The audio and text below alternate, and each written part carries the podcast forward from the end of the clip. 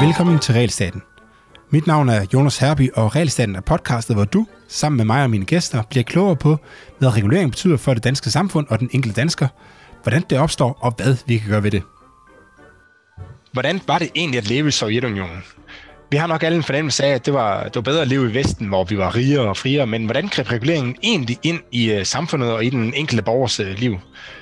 Det skal vi blive klogere på i dag, hvor vi skal tale med Thomas Wroblewski fra Warsaw uh, Enterprise Institute i Polen, som var 30 år, da Berlinmuren uh, faldt. Welcome, Thomas. Can you hear me? Yes. Oh, yes. I'm sorry. I, I wasn't sure it was Danish, so I wasn't sure. Yes, this is. Yeah, I'm right. I, hope you. I pronounce your your name. Yeah, uh, very well. Is correct. Uh, uh, but Thomas, you have an interesting uh, story. But so, can you tell us a little about uh, how your life was uh, in the around 1989? Well, I, I, I grew up obviously in Poland, and I studied in Poland but uh, mm, and I was uh, quite active as a student organizations uh, in 1980s, and then when martial law came in. In 1970s and 1980s, when martial law came in, I was one of the leaders of the student uh, strike. And then uh, we were forced underground. Uh, we were distributing some underground newspapers. And after some accidents. Uh, I was arrested and I was uh, given a choice. Well, anyways, I migrated. I spent, uh, I finished my studies in the US, in University of Texas, and then I worked in the US uh, for several years. Uh, actually, after uh, Berlin Wall fall, I came back to Poland and I offered to some newspapers that I will be happy to work with them. I, and in the meantime, I worked for Radio Free Europe and uh, they uh, said that well i'll probably better serve them if i go back to the states and work as a correspondent. So that's what i did. And i came back to poland in 1997 and since then i am here. Uh, most of the time i spend in the media for 25 years pretty much altogether. I work for, i brought to poland newsweek uh, we created Polish version of Newsweek. Then I was a publisher also for Forbes magazine. I also uh, purchased a license for Poland.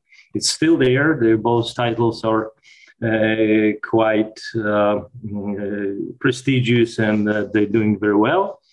Well, after all those years with uh, everything what's happening with the media, and pretty much I did everything I could in, in the media I uh, started working with a think tank, Warsaw Enterprise Institute. Is something I always been saying that uh, in order to preserve freedoms, we first of all have to preserve freedom, uh, free market, because uh, democracy is a very expensive system, and it's not like totalitarianism, and uh, so you need a lot of money to finance it. So you have to make uh, economic freedom to make money so we can be free that's pretty my pretty much my story. So, so when uh, what year did you migrate to uh, the United States? Well, this is uh, pretty much what the communist government did to some uh, troublemakers. They give you an offer: either you migrate, you get a visa, and I get it from the United States, or we will prosecute it. You know, well, a lot of people were brave and stayed back, stay in Poland, and spend their time in prison. I uh, prefer to go back, go to the States and continue my studies. And, and when was that? Uh, the, uh, there was uh, 1992. I left. Ah, okay. sorry, in 1982. Ah, okay, okay, yes, sure, 1982, sure, sure. right after martial law, one year after martial law. And and, and what was the martial law? Can you uh, can you explain that?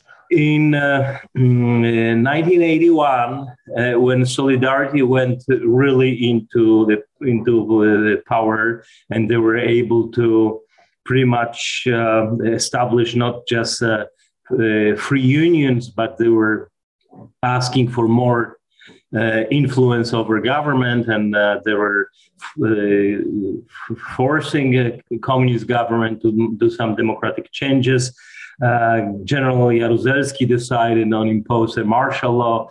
I mean, disband all the unions, organizations, institutions, and uh, for uh, a, several years, but the, like a very the tough years were two years when they uh, put all the opposition into prisons or like myself forced them out of the country uh, and uh, to uh, re, re, reestablish communist rule pretty much. And it lasted for all the 80s and it was very difficult time for Poland, Poland economically. Country had been completely collapsed. I mean, all the economy collapsed.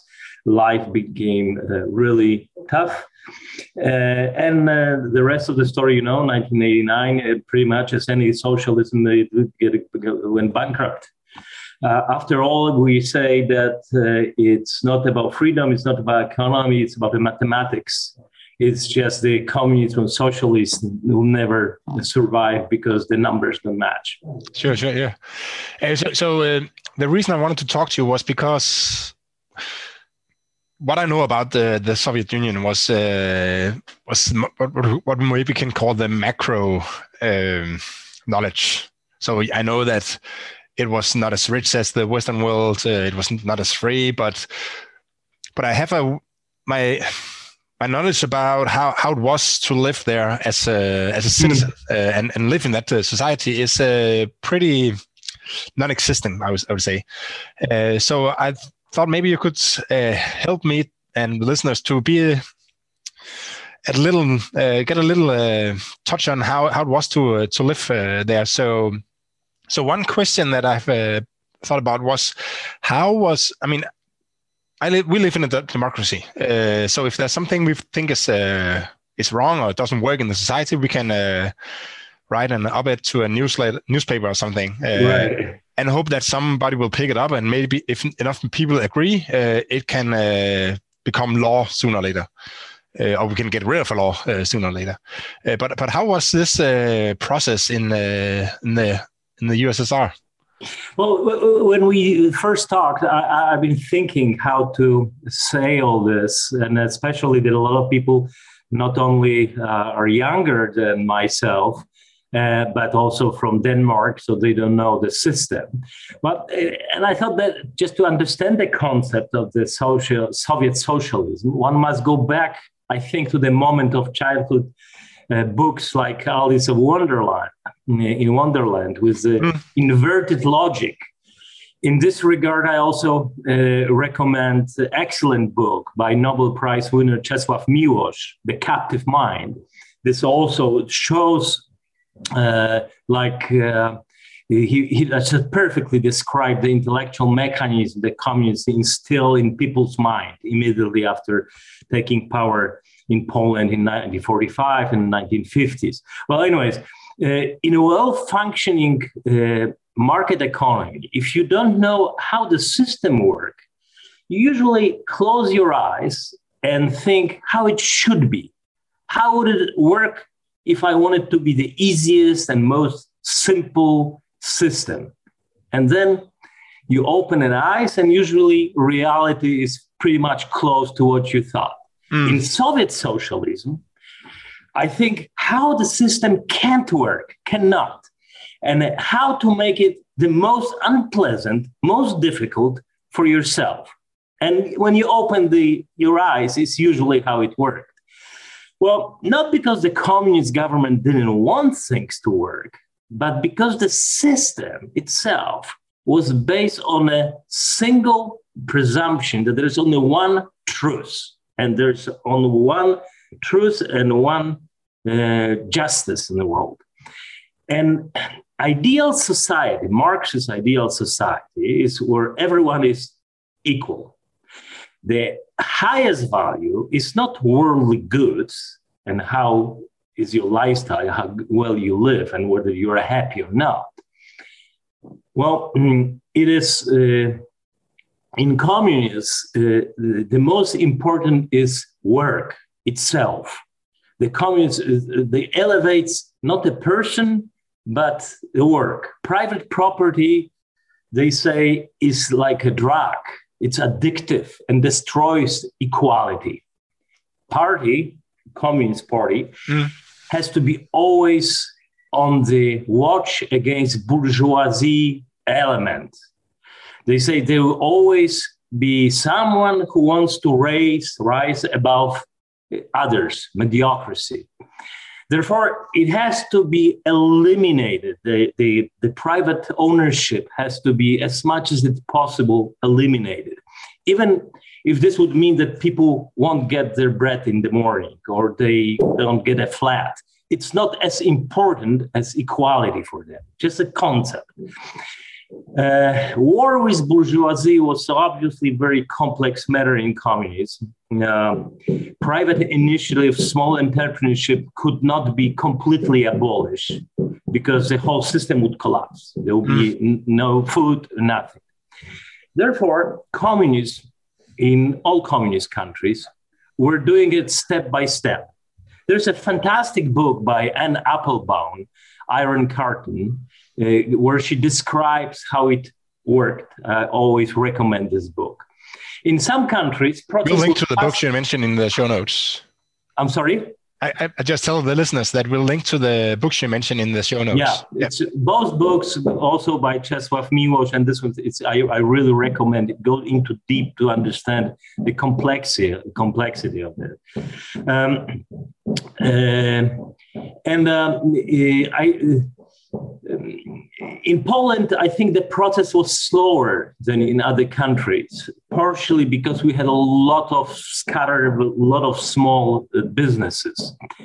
Um, in Poland, uh, in any country, the, the communists started with nationalization of big companies, big farms, saying that they were uh, leeches on the workers and they should be uh, eliminated from our uh, life.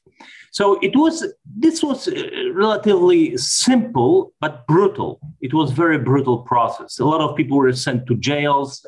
A lot of them were killed. Some of them were sent to Siberia. Uh, communists, you have to remember, would never trust, never, someone who used to be a businessman, assuming that sooner or later he or she will try to do it again, and or he thinks the worst, they will come back and ask for their property back. So this is why they pretty much physically quite often eliminated the richest people.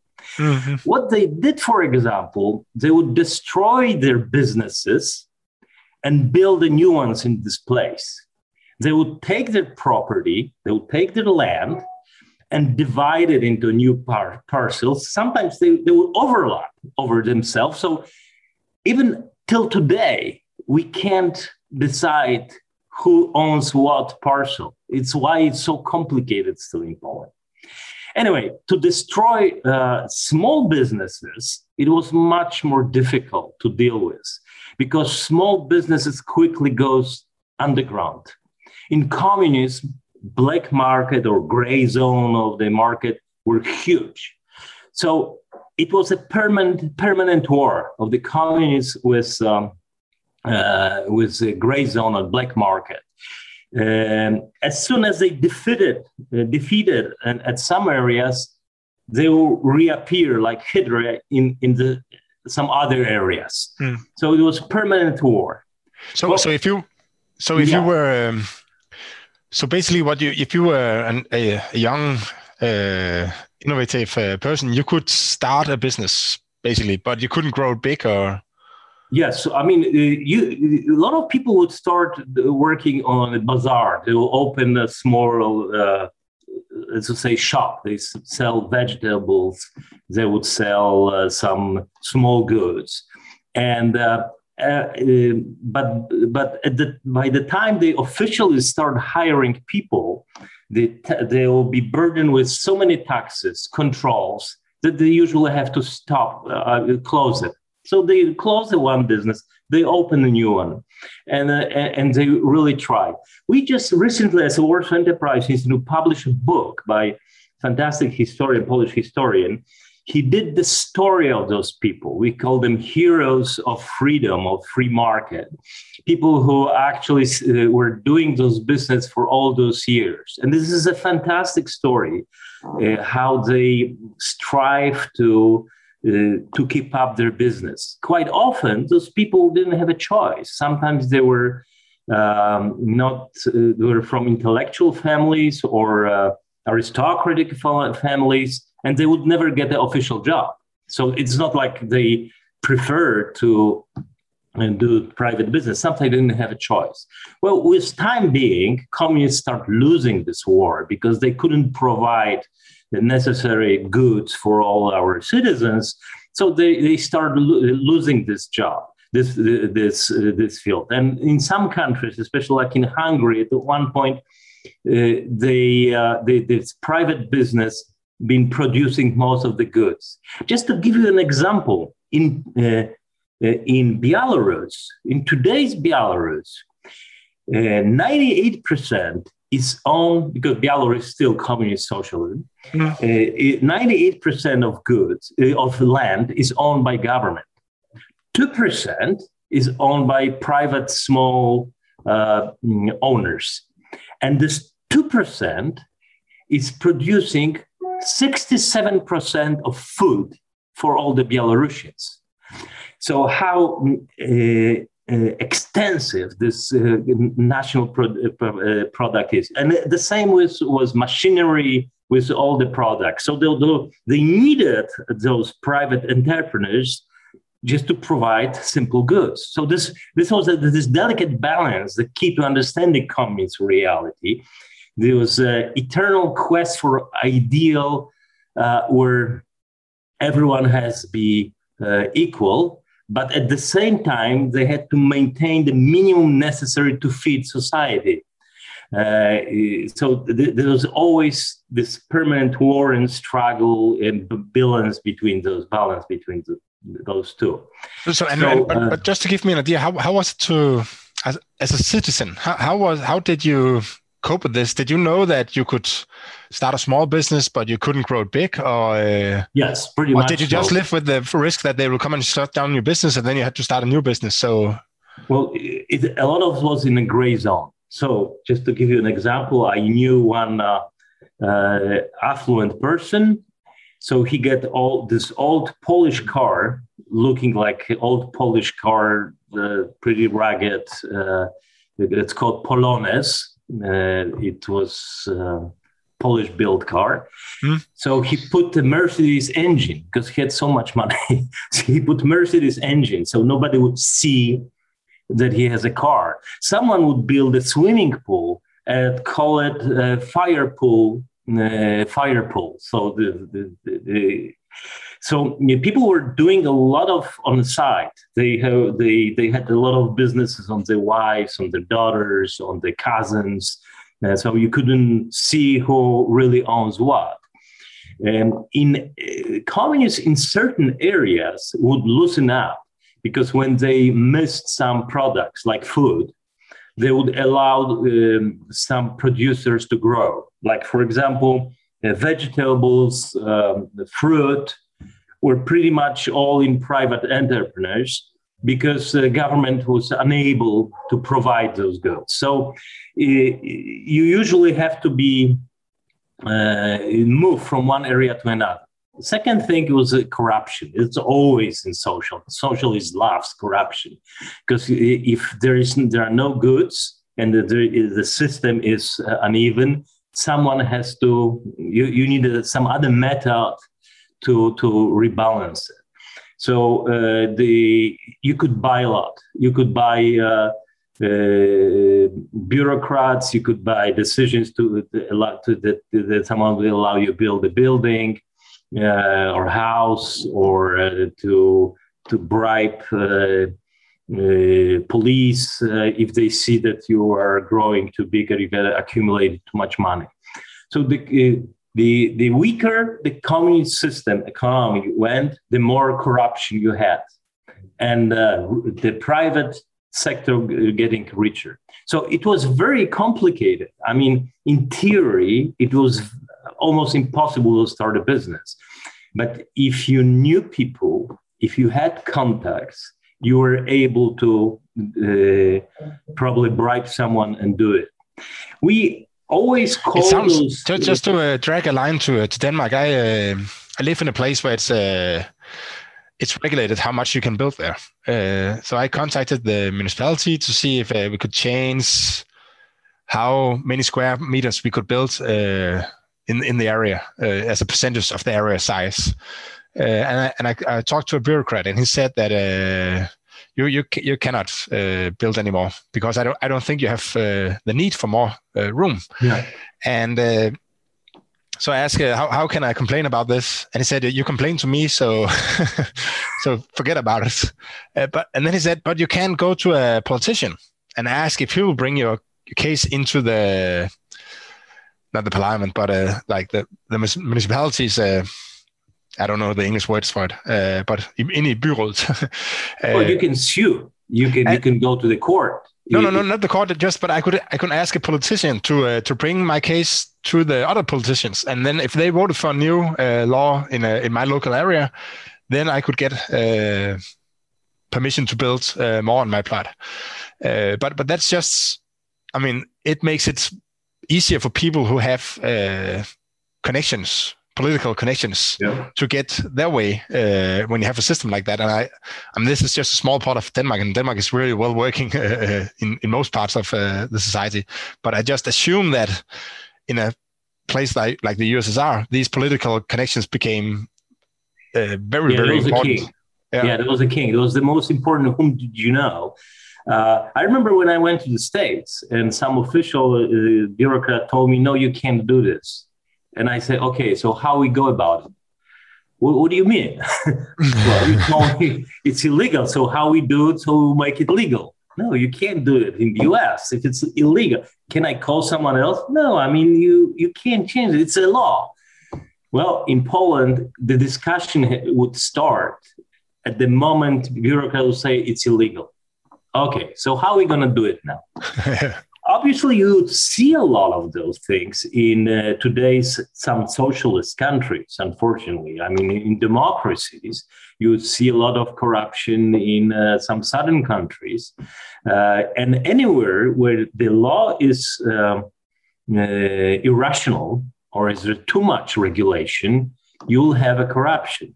The mm. difference between uh, not just Denmark, but any democracy, uh, is that um, uh, you still uh, you you have a uh, free court, uh, the independent courts, and you could sue or sue any decision and at least try. But uh, I agree that in some in our democracies we have also too much regulations, and it's it, it's something that pushes people to get connections and get uh, the corruption. But in communists, there's no other way. I mean, if you go to and you want to build a house, you don't even uh, in a communist, you don't even ask for permission. You first look for a person uh, to look uh, other way, and you ask whom you should corrupt it was uh, we had a lot of brave people in the communist time to start a business but a lot of them after uh, free market economy didn't make it very well. Some of them had a problem adjusting because when they first heard no i'm not taking bribes or i can't do this i'm sorry so it, it gets more complicated. Plus mm-hmm. you had the different know-how in communists. Your know-how was exactly as you said whom do you know? And what are your connections? And it was very interpersonal business. In a free market economy it's different. I mean it's how fast you can react. In communists it didn't matter how fast you produce your product whatever it is it mattered because everything would sell. It's not like in a free market economy that you have to compete with the price. That's very interesting. So what? So basically, what you say is that uh, the skills you need to uh, prosper in a, a, communist system is very different from what you need in a market yes. Uh, yes. system because in the communist system, it's uh, political connections that are important. So you have to know how to brown nose, basically. In, in, uh, in, a communist system, uh, you people. I mean, in the other way in free market economy, uh, you always uh, think what people need. mm. what people would, what goods they would desire, and at what price, and how can you lower the price, and how can you uh, help someone to give them services or goods and someone in. In communism, you have to assume that whatever you produce, there will be a need for it because there is no official uh, or a big market.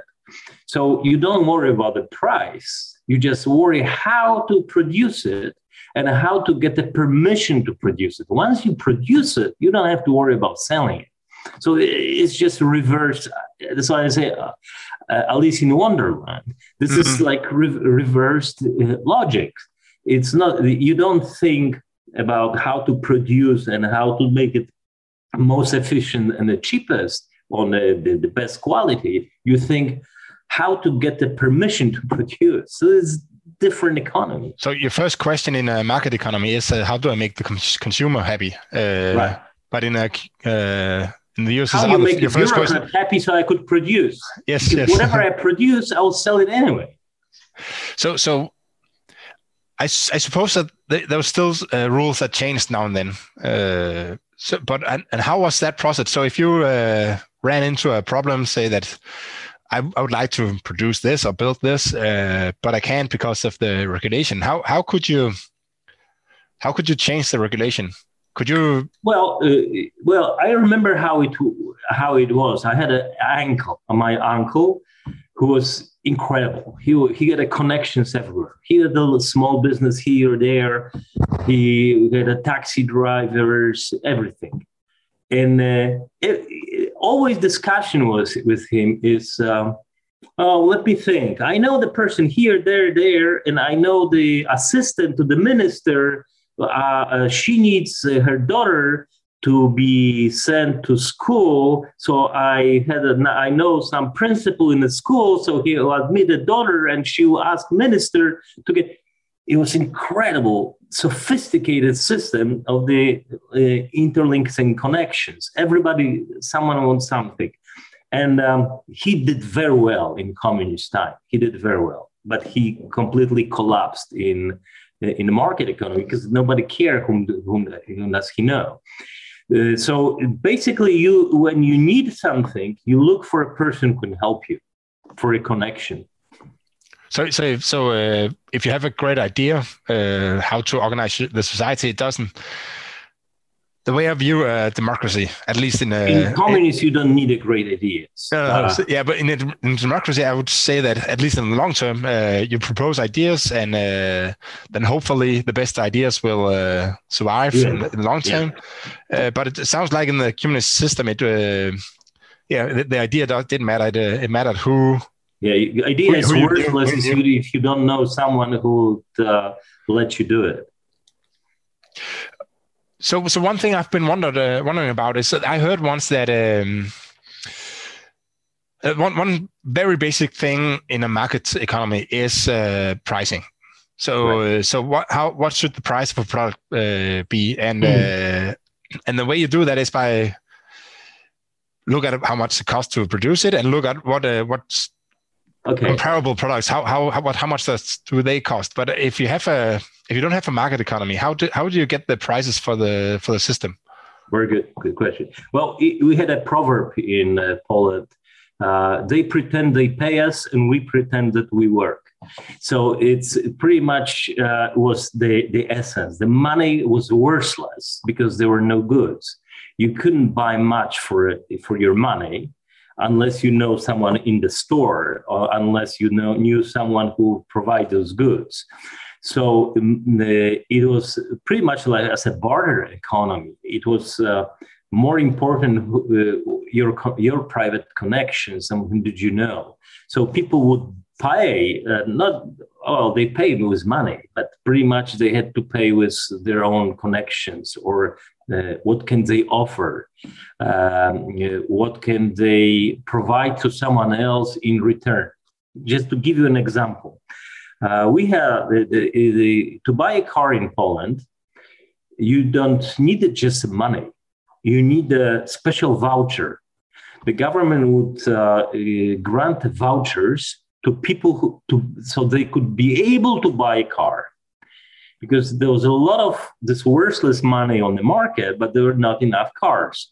So the government, the Communist Party, would grant uh, vouchers for houses, for uh, flats, for um, cars, for everything. Then, but to get a voucher, if you are not a member of Communist Party or uh, some high administration, you need to have a someone you offer him him or her something else so she would she will give you the voucher and then you can use this worthless money to fill up the voucher so this is uh, the, the, you had a voucher for everything you had a, uh, the, the, the food stamps we had a food stamps in the uh, 70s and 80s for uh, sugar for meat for basic chemistry, cos- cosmetics, for everything. Every single thing had a, a, voucher, so you could exchange that. I don't need much sugar because I'm not using sugar. I can exchange it for meat. How about we swap? How about we swap voucher for a car because I don't want to drive, I can't drive. Uh, so I swap it for a voucher for a flat. So this was pretty much a second circle the economy. Du lytter til Realstaten.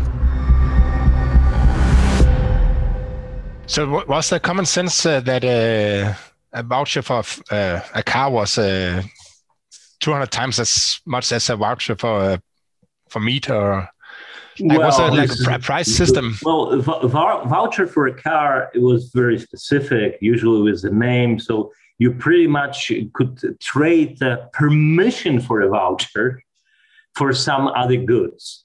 Um, so, for example, also in uh, this communist economy, different jobs were more important. For example, I had a girlfriend in uh, high school who's uh, and her mother she had a she had a doctor uh, thesis in uh, english i think and but she was a, a director of meat shop uh, she she didn't work in the university. She worked as uh, the manager for a food store for, with meat.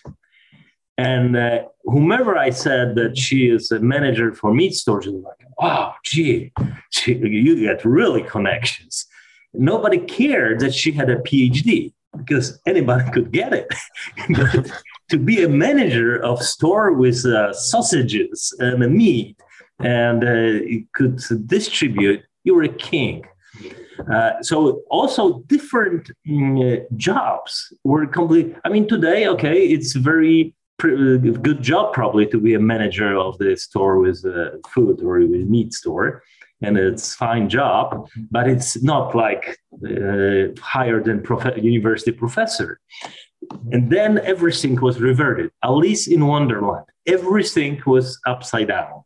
So you talked a little. I I, I wasn't aware that there, there was uh, vouchers for uh, yeah for everything. So so yeah, with footsteps. Food, food stamps. Uh, someone was even joking recently that you can buy them now on uh, uh, on uh, like uh, Amazon in Poland for even more than they were before people would like to go back in the memories. So, so how so how did you acquire these uh, food stamps? What, so you? Oh, okay. The basic food stamps you could you get with your salary when you're employed. Uh, so you get money and food stamps. Yes. Okay. Uh, so when you're employed, you get a certain amount for sugar. If you have a children, you get more uh, uh food stamps for milk than for uh, sugar. If you're just single, uh, you get a certain amount for every basic goods. So you get a certain amount of vouchers and you could trade it. So, for example, the really valuable vouchers are for alcohol, and people really need it. So, if you don't smoke or you don't drink, you wouldn't have to worry about voucher because you always can exchange that. Mm. So, especially those who didn't smoke, the, they were really uh, in a good position to trade. Uh, there was one question. I uh, so yeah, because so one thing I've been th- thinking a little about is how if you want to introduce a new product to the market. so so uh, let's take a smartphone for example. So uh, Apple invents the smartphone, and uh, let's assume that there still was a communist, uh, the, the USSR still existed. So how how was that product introduced to the to the mm. to the communist uh, to the USSR? I mean, how, how how was new products introduced to the market? Because in Denmark, we don't really think about it. They just show up in the store as soon as they're invented. Uh, because, but how is it in the USSR? How was it? First of all, you have to remember the the, the communist economy and a general socialist economy is very uncreative. It didn't create much. It didn't produce nothing new. Uh, when it comes to technology, our spies, Russian spies, Polish spies, would steal technology from the West.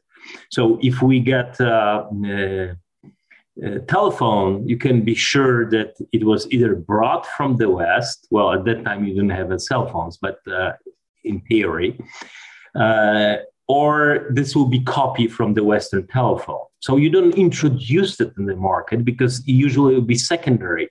Probably your phone would you will know about the new products uh, in the West, and then would long after appear in uh, Poland.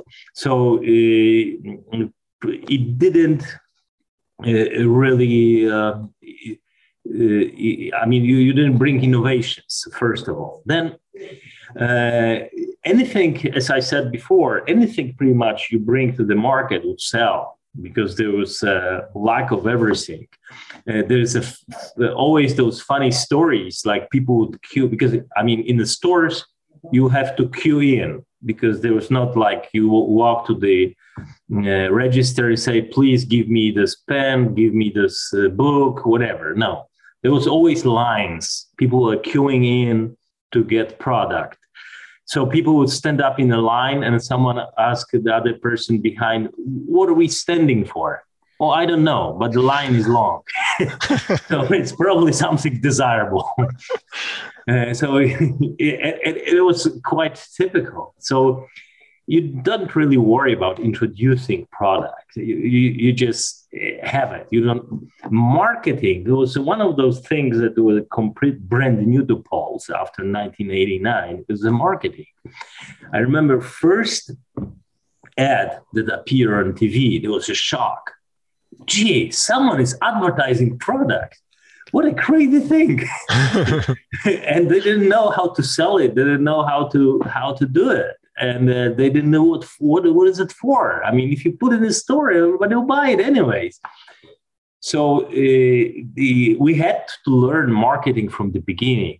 We had a lot of skills as a Poles, as entrepreneurs, uh, uh, how to produce things, how to be quick, how to get the connections. So that's why after 1989, Polish economy started booming.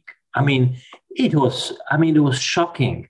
People just overflow from their houses. They put the uh, chairs, uh, bars, and they start selling goods on the street. They start traveling to Germany, to Berlin, buy goods, bring them back.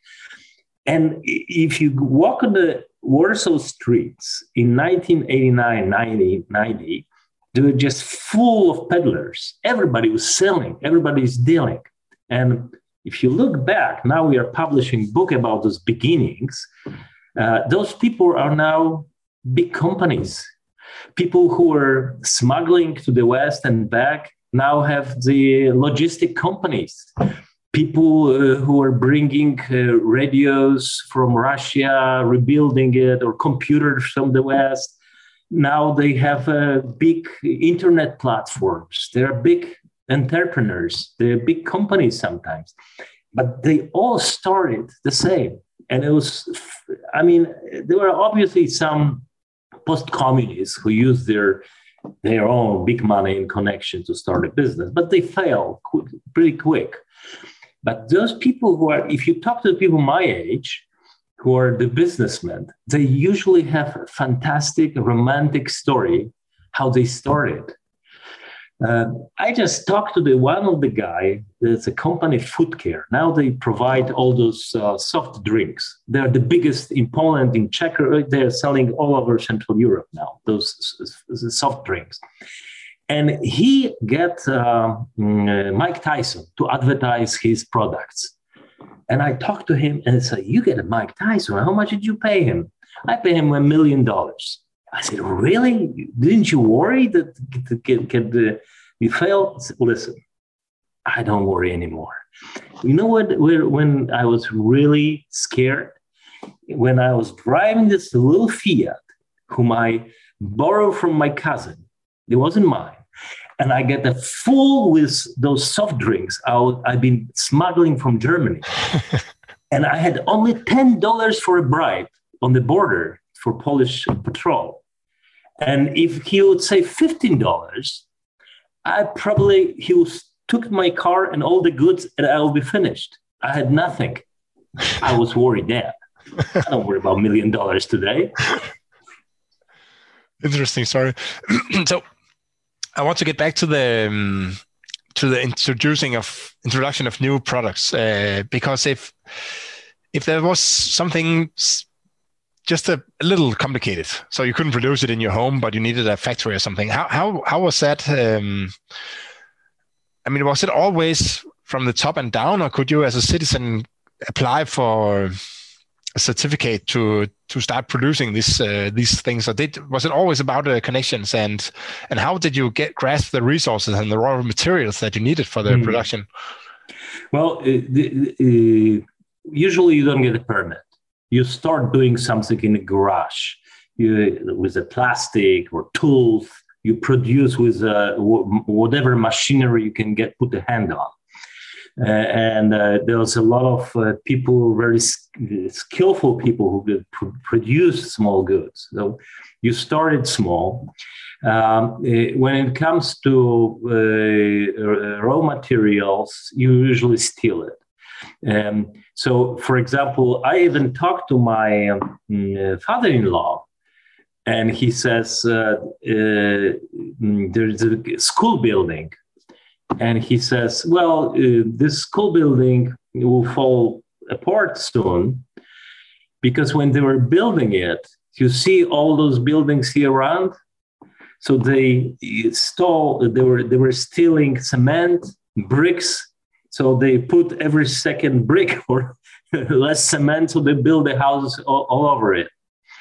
I've been in Belarus and I uh, met some fantastic people, and they had this little cottage, little house outside, and they had a big sauna. Sauna, and very surprising shape of the sauna was like you, U-tube, you like a U-tube.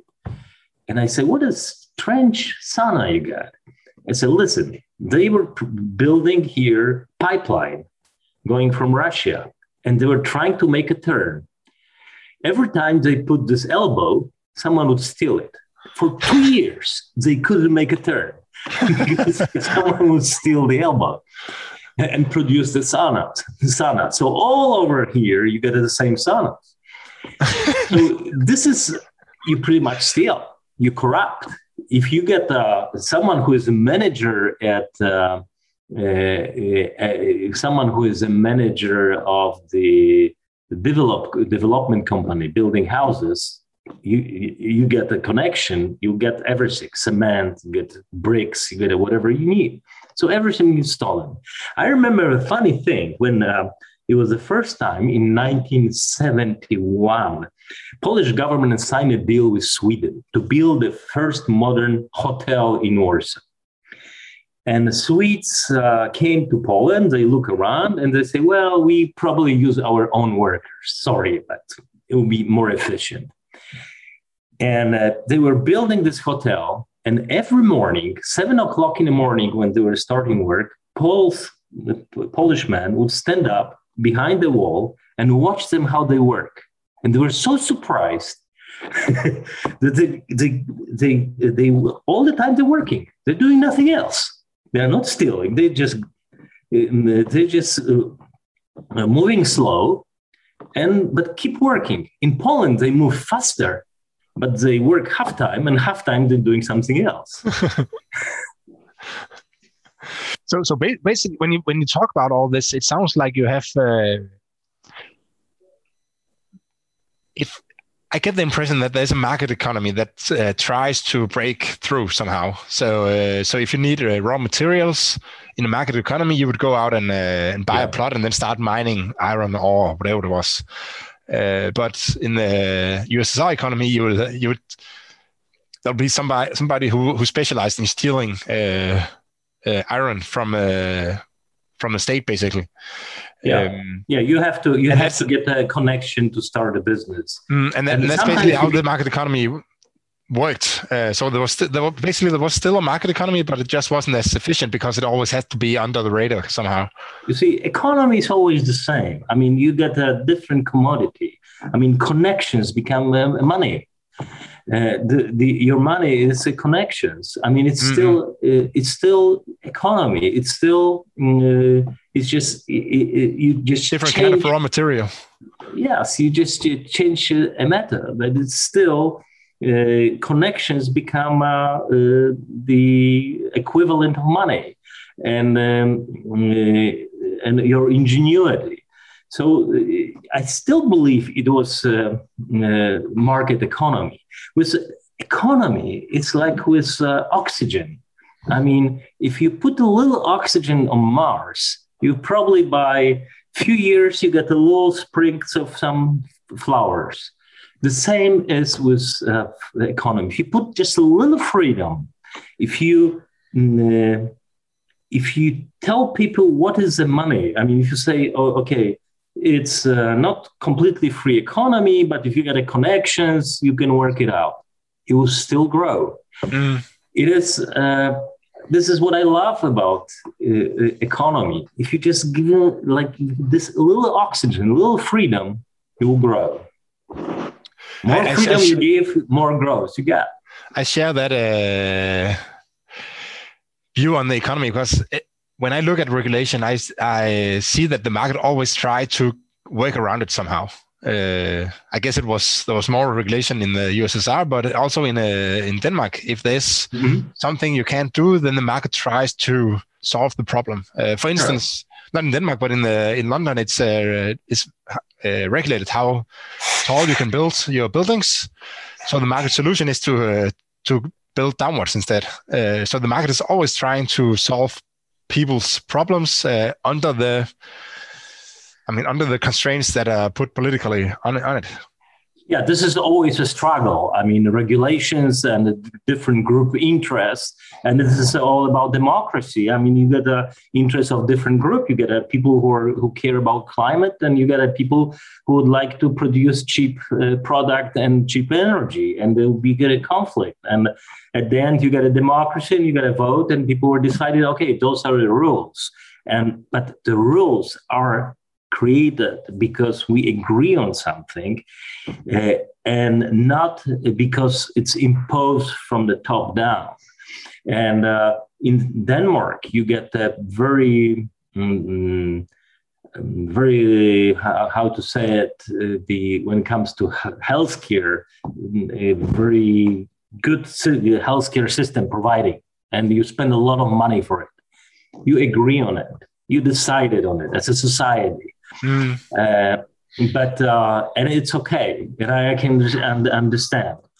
The only thing you have to uh, always keep in mind that if you take these freedoms from people, you kill economy. If you overregulate, you'll kill economy. If you put too many climate regulations, well, this is your decision, but it, it probably is that you stop producing certain goods. And uh, the, the difference is between who decides on it, whether it's society decision or uh, it comes from some weird minds. Yeah, I think that process, uh, one of the things that are very important is to to inform people about how the economy works basically. It's because you have i mean given your experience you have a a, a, a very uh, what's called? Great knowledge about how the economy works. And you have seen what happens to the economy if uh, we strangle it, it yeah if, if, also, if, we strangle it. Uh, but uh, so people i mean even if we all agree about uh, a large uh, public healthcare system, uh, it's still necessary to know how. I mean, yeah, well, how it would work in a free economy this is this is another thing. The economy um, in economy, you should be able. It can be surprise. It, it can shock you. It can be surprising you all the time. I mean, even the worst tax is better than unpredictable tax. In Poland nowadays, we get a horrible tax system. It's uh, very complicated. It's one of the, the most complicated systems. And it's worse than having high taxes for companies, for businesses, sometimes to have a, even high taxes, but uh, predictable. Mm. And you know what you're paying for. So, for example, you get higher taxes, but uh, you get uh, a very uh, good health system, education system. Okay, we agree on that. But the weird thing is, like every year, the tax uh, code is changing. So uh, the predictability in communism, nothing can be predicted because the, as I said at the beginning, the officials are thinking how to make uh, uh, your life more difficult if you are trying to grow up over uh, average be not just be a mediocre just go up. So you, you to level up everybody. The rule of law is secondary.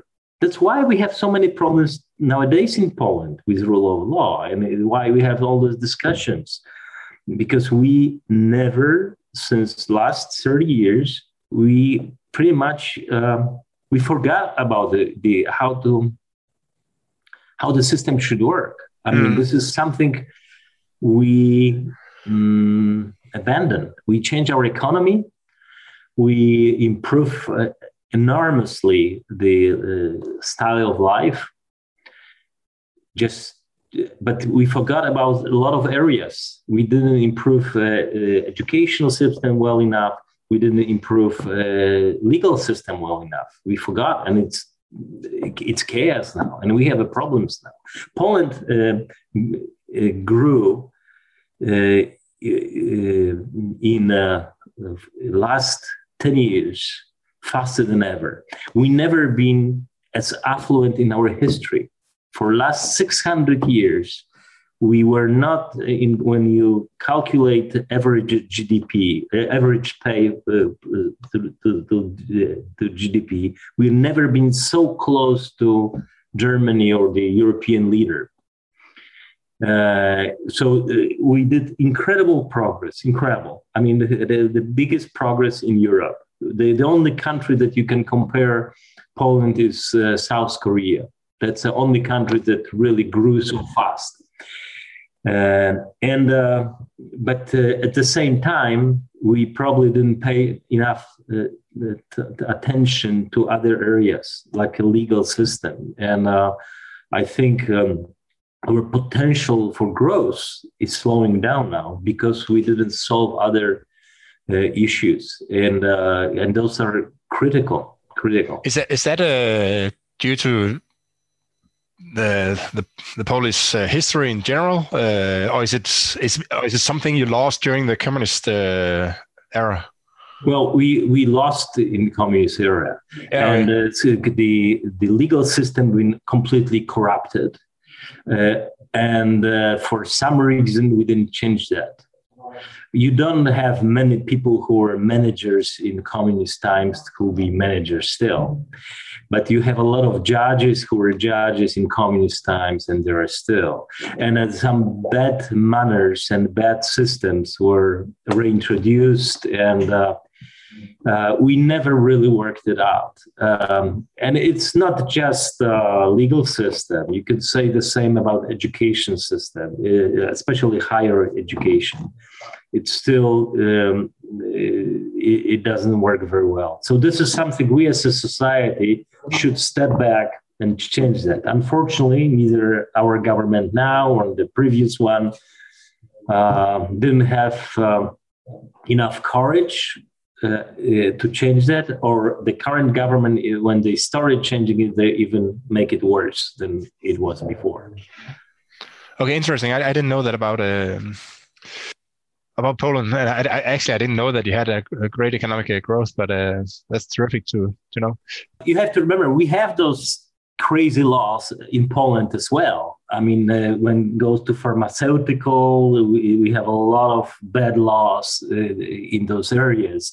And uh, there's this tendency to regulate different areas, I mean, the pharmacy, the barber shops, and we fight that as much as we can. Uh, it looks like a communism, uh, and uh, but it's obviously for different reasons. It's mm. because of the lobbying of different groups are trying to find some uh, uh, easy way for for their own business. But yes, it does hurt freedom, and unless you have freedom, it's worse for everybody.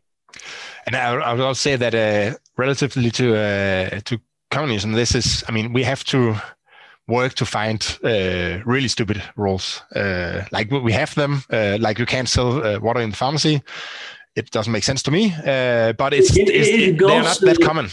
Yeah, this is this is goes in a tendency to like Kurlansky been saying the state uh, capitalism. So on one hand you get capitalism, but then you have so many rules and rules for different groups that it, it looks like socialism.